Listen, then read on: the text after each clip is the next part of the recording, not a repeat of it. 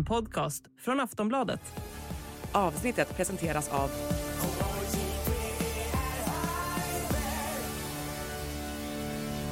Stödlinjen.se, åldersgräns 18 år.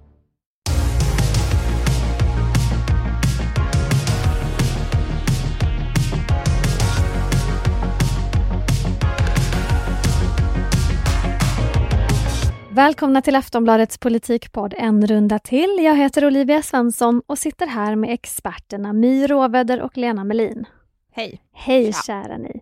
Ni ska ju få svara på lyssnarfrågor idag, det är det bästa ni vet. Absolut. Japp. Se vad det blir för klurigt idag. Vi ska börja utomlands faktiskt. Frågan från Gustav Johansson lyder så här. Donald Trump tacklar sig igenom skandal efter skandal och är ändå fortfarande en högst vital politiker med en massa fans och siktet inställt på valet 2024. Hade något sånt här kunnat hända i Sverige, att en politiker beter sig på det här sättet och ändå har ett politiskt liv kvar?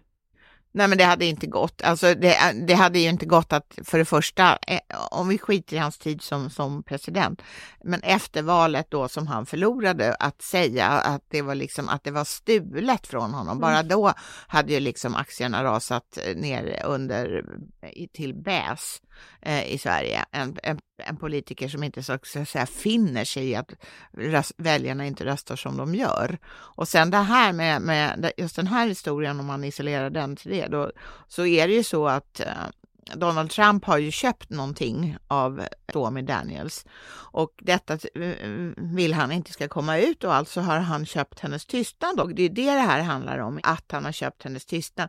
Inte heller det är själva frågan utan på vilket sätt han har köpt den här tystnaden. Om han har använt pengar ur kampanjkassan eller inte.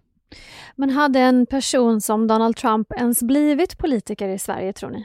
Men att köpa en kvinnas tystnad, eh, oavsett eh, om eh, för vad han har köpt den, bara det är ju, skulle ju få bort vilken svensk politiker som helst. Ingen skulle ju rösta på den. Jag tänker också på det här med hans bakgrund, alltså det här byggmiljardären och Playboy-grejen. Du tänker att det är inte så hett för den svenska publiken? Vi har ju pratat lite grann här om att det bästa man kan vara här är ju snarare att vara ganska sådär vanlig och måttfull. Jag tror att det finns en annan stor skillnad här och det är ju att i USA så handlar det om vem som har pengar att kandidera. Och i Sverige handlar det om vem som har ett förtroende från ett parti och får chansen att kandidera. Och det är ju två så otroligt skilda system och ett sådant system skulle en sån person inte ta sig igenom, de skulle inte ta sig upp. Men jag tänker om man ska dra någon svensk parallell så finns det ju ett parti som också, i Sverige som också klarar sig igenom typ skandal efter skandal, eh, nästan vilken skandal som helst och det är ju Sverigedemokraterna. Eh, Och det beror ju på att deras väljare är inte så känsliga för det här med bristande förtroende och skandaler, för de stödjer och röstar på dem av andra anledningar, som missnöje och otrygghet och tanken om vad, vart är Sverige på väg och sådär. Men jag tror ju aldrig att någon skulle nå upp till den här nivån eh, som Donald Trump. Alltså det går inte i det här systemet. Alltså det närmaste vi har kommit till Sverige någonting som liknar Donald Trump, det är ju Ny Demokrati i början på 90-talet som ju också leddes av två affärsmän. Mm. Den, den ena med försänkningar i nöjesbranschen, det vill säga Ian Wachtmeister och Bert Karlsson. De, men de blev ju en dagslända, de satt ju bara i riksdagen i tre år. Det var ett väldigt kort drag under galoscherna. Ja, men just det var ju ändå då var det ju ganska mycket drag under galoscherna.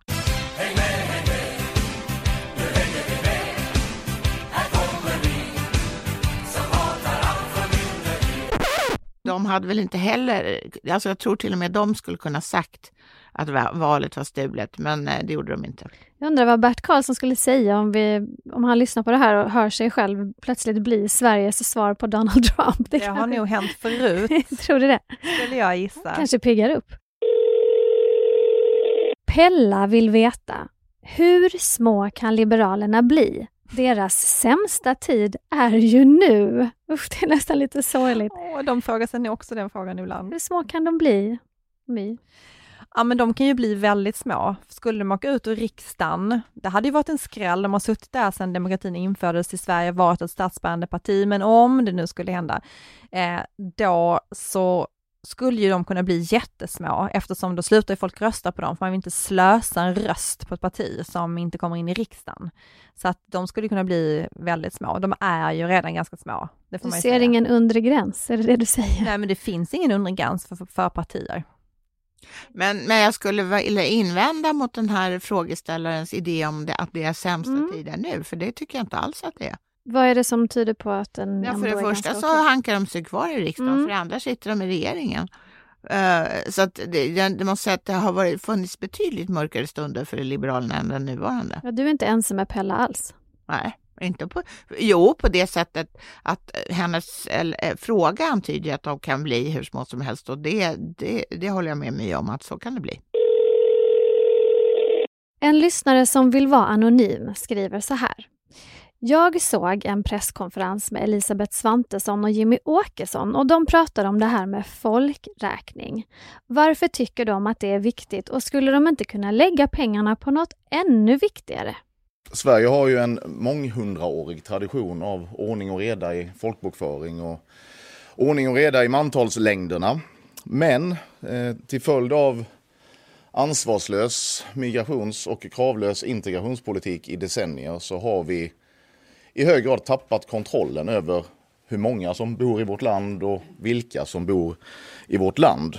Men de tycker det är viktigt därför de tror att, det ska, att de ska hitta en massa människor som eh, inte har eh, rätt att uppehålla sig här i landet genom, att, eh, genom en folkräkning. Ja, de, de flesta andra verkar tycka att det är dödsdömt, men lycka till. Det är ju spännande för att jag tror att i stort sett alla experter är överens om att det de föreslår inte är en folkräkning, utan att Skatteverket får mer resurser för att utveckla sätt att effektivisera jakten på människor som är folkbokförda på fel ställe.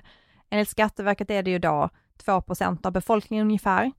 Eh, de flesta är folkbokförda på rätt ställe och det som är den skevheten i den här diskussionen egentligen, det är ju att politikerna pratar om att komma åt skuggsamhället. Men det är ju inte det som Skatteverket gör. Alltså de jagar inte skuggsamhället, de jagar människor som är felaktigt folkbokförda och som Skatteverket själv säger, som ska vara folkbokförda i Sverige, men som inte är det på rätt plats. Riksdagsledamöter till exempel har ju varit stor debatt om under, eh, och liksom fram och tillbaka under åren, att de skriver sig på en plats för att kunna men bor på någon annan plats och på så sätt kan plocka ut ersättningar. Och jaga skuggsamhället, det är det ju polisen som gör. Så att det är egentligen liksom en skevhet i debatten när man pratar om vad det är man ska göra och en folkräkning är ju liksom då att man skulle gå och knacka på varje dörr och det tycker ju inte ens Jimmie Åkesson längre att det är det de kommer ge som uppdrag, utan nu är det ju mer så här, punktinsatserna ska bli mer effektiva.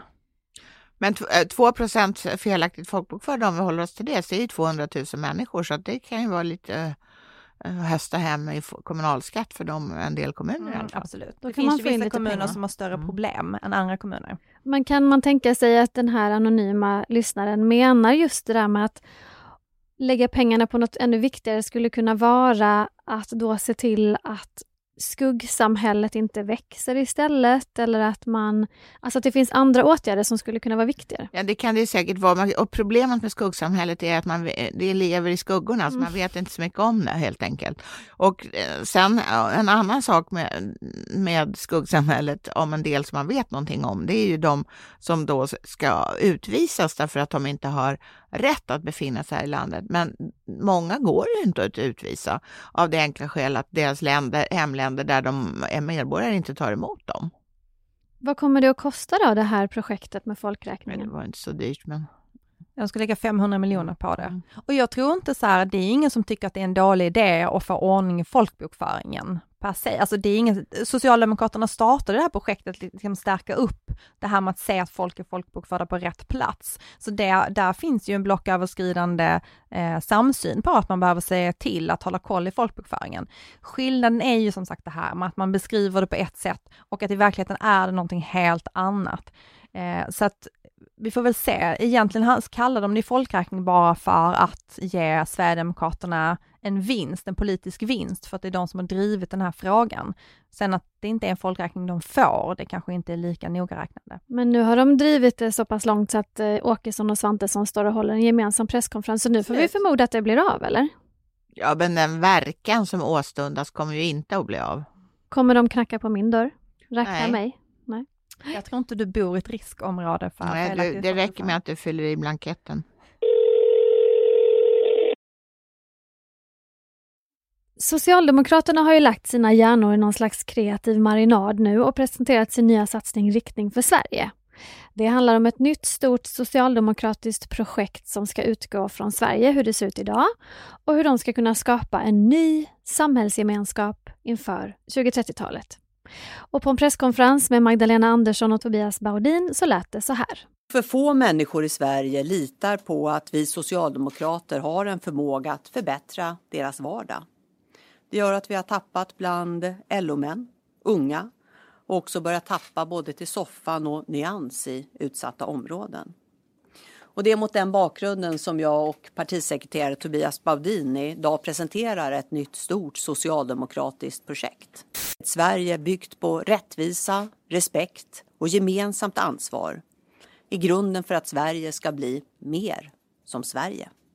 Vår lyssnarfråga kommer från en lyssnare som helt enkelt vill veta vad menar de med att Sverige ska bli mer som Sverige? De vet, vill bara påminna om the good old times. När Tage Erlander var statsminister. Alla var glada. Alla fick skrivböcker i skolan och fick egna skolböcker också. Och det kostade jättelite lite att åka på bussen och alla hade jobb. Kockalollasås, foffinantott Inga fikon, bobrororor, bobrora Det är någon slags drömsamhälle de Ja, vill ha. nostalgi, man kan kalla det för Nostalgi. nostalgi, nostalgitripp också. Mhm. Men alltså i grunden tycker jag att det här är en bra idé för Socialdemokraterna. Det är klart, de har suttit i regeringsställning åtta år. De är sönderregerade som alla regeringar efter åtta år. De behöver fylla på sitt tankegods ganska rejält och det är klart att de ska använda den här tiden till det. Men, de- men de vill då, då inte framstå som alltför djärva och alltså så, så kommer de på någon sån där nostalgislogan som de kan foga till det hela så det inte verkar så läskigt. De där Sverige-slogansarna, de är ju roliga, för det sysslar ju alla partier med. Och man kan ju med glädje googla och så bara ta fram hur många som helst. Jag tror att det till och med, okej, okay, avslöja någonting här om mitt privatliv. Antingen var det i mitt privatliv som vi skrev upp jättemånga och så fick man gissa vilket parti det var, eller så kan det ha varit i någon podd. Men Eh, Sverige ska vara med. Sverige ska liksom. vara med Mm. och det är liksom omöjligt att se skillnad på vilket slags parti, höger, vänster, upp, ner, som har skrivit en Nej, sån här slogan. Men det är ju namnet. Alltså, är, det, är, det här man, är det det här man ska göra med sin tid om man hamnar i opposition? Ja, men det är klart att man ska, alltså det, att ambitiöst äh, idéarbete ska man absolut äh, använda sin tid i opposition till. Och Magdalena Andersson refererade ju också till någonting som kallas för 90-talsprogrammet som, äh, som, som de tog fram, fram under en oppositionstid i, i, på just 90-talet. Och det var ju väldigt radikalt. Alltså det var ju väldigt många eh, om, omstörtande vore det väl kanske fel att säga, men i alla fall eh, eh, tankar utöver det vanliga. Och det hade de ju jättestor nytta av under lång tid. Minns du någon av de tankarna? Eh, nej, men det handlar ju bland annat om utbyggnaden av förskolan och sånt. Det som jag tyckte var anmärkningsvärt, eh, det var väl att de sa att de ska göra en ny samhällsanalys utifrån den utveckla sin politik. Och jag tänker att det ändå är en eh, intressant premiss att gå in med att vi förstår oss inte riktigt på samhället efter att ha regerat i åtta år. Eh, så vi måste utvärdera vad samhället egentligen handlar om eh, och sen så utveckla politiken. Frågan är ju bara så här vad som kommer ut på andra sidan. Ni har ju lite svårt att se att det skulle vara de där djärva förslagen som som Lena tar upp här, som kom på 90-talet. Men kommer de att våga vara självkritiska och verkligen göra en genomlysning av sitt parti? För det måste ju krävas om man också ska komma framåt och visa riktning för Sverige. Om man dagar, alltså veckan efter man just har skåpats ut av klimatpolitiska rådet för sin klimatpolitik, genast går ut och kritiserar någon annan för att den har eh, en usel klimatpolitik, då har man inga problem med den vägen. Du menar att sossarna äger inte förmågan att vara självkritiska? De har väldigt, behöver inte, de glömmer bort det på sju, åtta minuter. Mm, det försvinner ur minnet. Ja. Och det här var så dåligt, men vi det är är, ändå det är inte deras bästa gren, det kan man inte säga. Många partier är dåliga på det, men de är väldigt dåliga på det. Vårbudgeten närmar sig med stormsteg, närmare bestämt måndag 17 april. Och vi har fått en fråga från Alizao. Den lyder så här. Vad kan man förvänta sig att det blir för budgetnyheter med tanke på det sliriga ekonomiska läget? Jag tror inte det blir så mycket nyheter. Men... En del har ju redan presenterats som den här förlängningen av bostadsbidraget för, för barnfamiljer och, året ut och sånt där. Och folkräkningen, folkräkningen inom Inom citationstecken. citationstecken. Så vi kan inte förvänta oss någonting omvälvande eller nytt? Alltså det är ju två på. saker som, är, som brukar, eller möjligtvis tre, som buntas ihop till begreppet vårbudget. Det är dels det som är vårbudgeten, det vill säga en tre, ram, budgetramar för tre år framåt. Alltså det är ju ingen människa som faller i trans för det. Eh, men viktigt såklart för, för eh, sättet att räkna hit och dit. Sen så kommer en tilläggsbudget inför innevarande år och det som kan träda i kraft vid eh, halvårsskiftet. Och sen kan det också komma en extra ändringsbudget. Eh, Det, det kan komma också vid något annat tillfälle. Det är inte så att man har fått en indikation på att det är någon särskild grupp som ska premieras rent ekonomiskt framåt till Men exempel? premiär så ska ingen göra nu eftersom då går de ut och köper överprisade varor och förstör för inflationsbekämpning. Mhm. Det är stramt, Mm. fortsätter vara stramt. Stramt läge för Sverige. En fråga från Susanna. Jag tänker på detta med vindkraften. Det behövs ju jättemycket mer energi och såklart inte minst sån som går lätt att bygga snabbt och är grön. Men SD är tvärs emot i frågan och vill typ lägga ner den. M och övriga regeringen verkar vara helt på med vindkraften enligt devisen all energi behövs och Svenskt Näringsliv kampanjar så det står härliga till och kräver mer grön energi. Hur ska de få ihop det då? Det verkar vara lite motvind eller rent av en tromb i vindkraftsfrågan nu för regeringsbärande partier. Det tror inte jag att det är. För jag tror att Oscar Sjöstedt är lite av det här som man kallar en testballong inom partiet. Och, det är, SDs ekonomisk-politiska talesperson. eh, och att det var ju han som varit ute och sagt att man ville att man inte ville ha vindkraft. Och, för det är ju inte första gången han säger saker som partiet sen går ut och säger så här, vi menar inte riktigt så här. Eh, det var bland annat, tror jag, kopplat till eh, reduktionsplikten, hade han också åsikt om att de typ skulle hoppa av det här samarbetet om de inte fick som de ville, alltså typ ner till noll. Det sa ju partiet sen att det inte riktigt var så och man satt fortfarande i förhandlingar och det var lite förhastade eh, saker att säga. Så att jag tror att mer handlade om att skapa sig en förhandlingsposition. Eh, Det som den här regeringen däremot har gjort är ju att de har eh, minskat subventionerna för vindkraft, så att det har inte varit lika eh, ekonomiskt, alltså de har ändrat de ekonomiska förutsättningarna. Och det skapar otrygghet i en bransch, så det är väl mer det branschen vill ha, de vill veta exakt vad som ska ske, så att de vet hur de ska ställa sig och hur man och när och om man kan satsa på vindkraften. Så kommer det bli mer eller mindre vindkraft med den här regeringen? Det kommer att bli mer Mycket än det mer. är idag, ja absolut. Ja, det, finns, alltså det är som Ebba Busch faktiskt säger, alla energislag behövs. Är det så att den här regeringen är mer vindkraftsvänlig än den förra? De har ju inte varit det, men jag tror att in- ställd inför verklighetens krav så har de blivit mer vindkraftsvänliga än de var förut. Och det gäller även havsbaserad vindkraft som är något dyrare då eftersom den är dyrare att bygga. Men å andra sidan är det ingen som blir sur över att de där tornen står där och snurrar. Utom fåglarna då. Mm. Sen tror jag också det handlar om att det har varit, de älskar att säga två tankar i huvudet samtidigt, men det har de haft lite svårt att ha, för de har bara tänkt kärnkraft. Och jag tror att de här två tankarna kanske nu eh, kan samsas lite mer.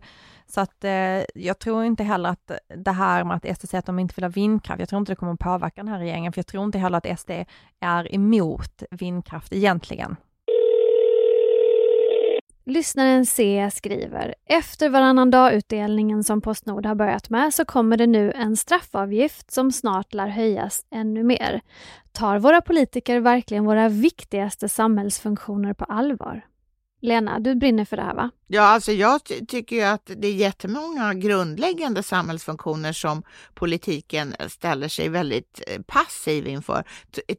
Det är inte egentligen deras roll såklart att bestämma vad, hur mycket det ska kosta att- skicka ett paket till, till eh, Blidö till exempel, där jag har fritidshus, utan eh, det gör ju Postnord som är ett aktiebolag. Mm. De bestämmer det Men själva. att man ska få paket är ändå viktigt. Ja, Och där är det ju så att någon slags korrigerande faktor måste faktiskt politiken vara. Det kan inte vara så att till exempel Trafikverket äh, år ut och år in inte kan leverera eh, sina planer till de företag som bedriver järnvägs, järnvägsåkning, alltså järnvägstrafik. Du tänker på det här att man inte kan boka sina påskbiljetter och sånt? Nej, och inte julbiljetter och ingenting därför att de inte kan tala om i förväg var de tänker jobba någonstans under sina stora helger. Det är ju uselt. Och Vad är det som har gått sönder? Nej, men det, det, verkar ju vara som att de här olika företagen som från början har varit eh, myndigheter, eh, de verkar tro att eh, de lever på 1800-talet och att man ska bocka och tacka för att man får, för det är så roligt att man kunde få åka en bit på järnvägen eller kanske få ett kort till påsk. Eh, det ska man vara jätteglad för istället för att de faktiskt ska eh, sköta service My, varför kan man inte få post varje dag och eh, åka eh, SJ och beställa det i god tid? Eh, nej men jag håller med Lena att jag tycker också att det finns vissa samhällsinstitutioner som människor förväntar sig ändå att politiken ska ta tag i. Att även om det är så att det är en myndighet som sköter vissa saker så förväntar sig inte människor att om den myndigheten missköter sig så ska politiken inte göra någonting. Eh, och eh, det kommer ju bli ett större, det blir ju ett större och större problem eftersom det påverkar förtroendet för de svenska institutionerna och i förlängningen så blir det ju också att det påverkar liksom förtroendet för politiker. Så eh, nej men jag vet inte, jag tror, jag är ju själv från landsbygd. Jag vet inte om det här med varannan dags utdelning egentligen har varit ett så stort slag mot landsbygden. Det är ju otroligt lyxigt att långt ute på vischan liksom få sin post i postlådan varje dag och att det ska ha, ha gått över natten och skicka någonting. Men vad händer om det bara blir en gång i veckan då? Eh, ja, det har ju inte varit övernattsutdelning på jag vet inte när. Men andra sådana här grundläggande samhällsfunktioner som inte fungerat, det, vi behöver bara gå till förra året när man fick, eh, folk tvingades vänta i sex, åtta månader på ett pass. Det är inte klokt. Det, där staten har monopol på den typen av ID-handlingar. Det går inte att vända sig någonting och de gör inget. Alltså det, det tyckte jag var, det var, det var hårresande. Och det här, jag tycker det är lite samma stil. Den här, det som lyssnaren kallar för straffavgift är i, till en början 1,50. Det är inte jättemycket. Men jag, jag, kan förstå den här farhågan att snart är det 10,50 och sen är det 150 bara för att jag ska få, kunna få ett, ett paket till där jag bor. Och det, hittills har det varit så att portot har varit lika över hela landet. Jag kan förstå att hon, eh, hon eller hen eller han är oroad över att här, här slås det in på en ny väg. Ja, och My, du som kommer från landsbygd, alltså är det inte alltid landsbygd och glesbygd som drabbas av den här typen av, eh, vad ska man säga, förändringar och förminskningar och jo, indragningar? Samtidigt så tänker jag att det finns en lite konstig inställning i Sverige. Eller det är inte en konstig inställning, men det finns ju liksom det här förutsättningen att alla ska vara lika. Att all förutsättning ska vara lika för människor över hela landet och det de facto så är det ju inte så. Det är inte likadant. Man kan inte förvänta sig, för det menar ju människor då, att man ska kunna förvänta sig samma samhällsservice oavsett var man bor. Men Varför ska man inte, inte kunna förvänta sig det? För att eh, det går inte att upprätthålla den här samhällsservicen på alla platser runt om i landet. Det finns massa olika anledningar, långa avstånd, bristande skatteunderlag, eh, att det, bor väldigt få människor på olika platser. Alltså det finns massa anledningar. Eh, och jag vet att jag hade ett tag, eh, några år, eh, var det liksom min, jag försökte verkligen få politiker att säga så här, nej men människor kan inte förvänta sig samma samhällsservice och jag pratade med liksom ekonomer och forskare som sa så här, nej men de måste snart börja ta sig an det här och vara ärliga med människor. Att liksom staten eh, försvinner ju från de här ställena, alltså myndigheterna försvinner, det har varit Arbetsförmedlingen, man har liksom... I, BB kanske? BB, i olika, i olika tider har man försökt sätta ut eh, myndigheter ute i landet, i andra tider har man centraliserat dem. Det handlar ju om kompetens och det handlar om liksom, att det är praktiskt i en storstadsregion att ha en myndighet där och många människor ska jobba där. Eh, så att, men jag tycker att det här är en diskussion som man pratar väldigt lite om och den här höga förväntningen den skapar ju också problem för politiker eftersom man inte får det man vill ha och missnöje. Men kort svar på den här läsarens, eller lyssnarens fråga är ändå att jag tycker att politiker skulle upphäva sin stämma lite oftare i den här typen av samhällsservicefrågor som handhas oavsett i vilken ägandeform. Och jag tänker att om det finns fler som ser, som är missnöjda med det här och undrar varför politiker inte tar samhällsfunktioner på allvar, så kanske det finns något parti som skulle kunna verkligen satsa på att plocka upp den här typen av frågor och bli ganska populära. Något Centerpartiet kanske, eller jag vet inte. Sverigedemokraterna. Ja. ja. En tanke där, ett tips. Ja, men eh, en sak som så att säga, samhället ju ändå har gjort bra, det tycker jag, det är ju att se till att en del sådana här Eh, alltså livsmedelsaffärer på, i glesbygden har möjlighet att, att, fortsätta finnas till. För det är ju ofta en, en serviceknutpunkt utan like. För att inte tala om Systembolaget eh, ombud Finns också på vissa småorter. Ja, men det finns ju i den där livsmedelsaffären. Ja, det är inte dumt. Och där finns för så är det på Blidö, kan jag om, att där är det både systemet, apoteket, eh, sen den som vill tippa och spela på ATG kan göra det där också. Och sen kan man lämna in batterier, lite annat och grejs mojs. Alltså det all service som överhuvudtaget finns är knuten till denna affär. Allt man behöver. Mm, utom posten, för den kommer till brevlåda. Så ligger... Var tredje dag, eller var femte? Än eller så länge. ja, ja eh, precis. Jag ska testa att skicka ett brev till dig, så vi ser när det kommer fram. Mm. Tack för alla svar, Lena och My. Det var en rejäl liten frågelåda den här veckan. Var det verkligen? Ja. Vi stänger butiken för den här veckan, men om ni också har en fråga som ligger och bränner i fickan så får ni skicka den till podcast.aftonbladet.se och så hörs vi igen snart. Låt oss säga hej då till våra lyssnare. Hej då! Hej då! Hej då!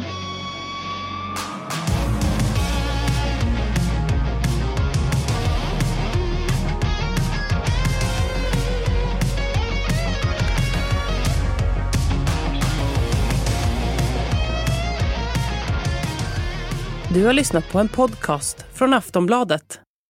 Ansvarig utgivare är Lena K Samuelsson.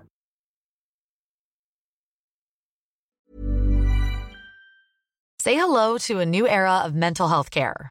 Cerebral is here to help you achieve your mental wellness goals with professional therapy and medication management support. 100% online.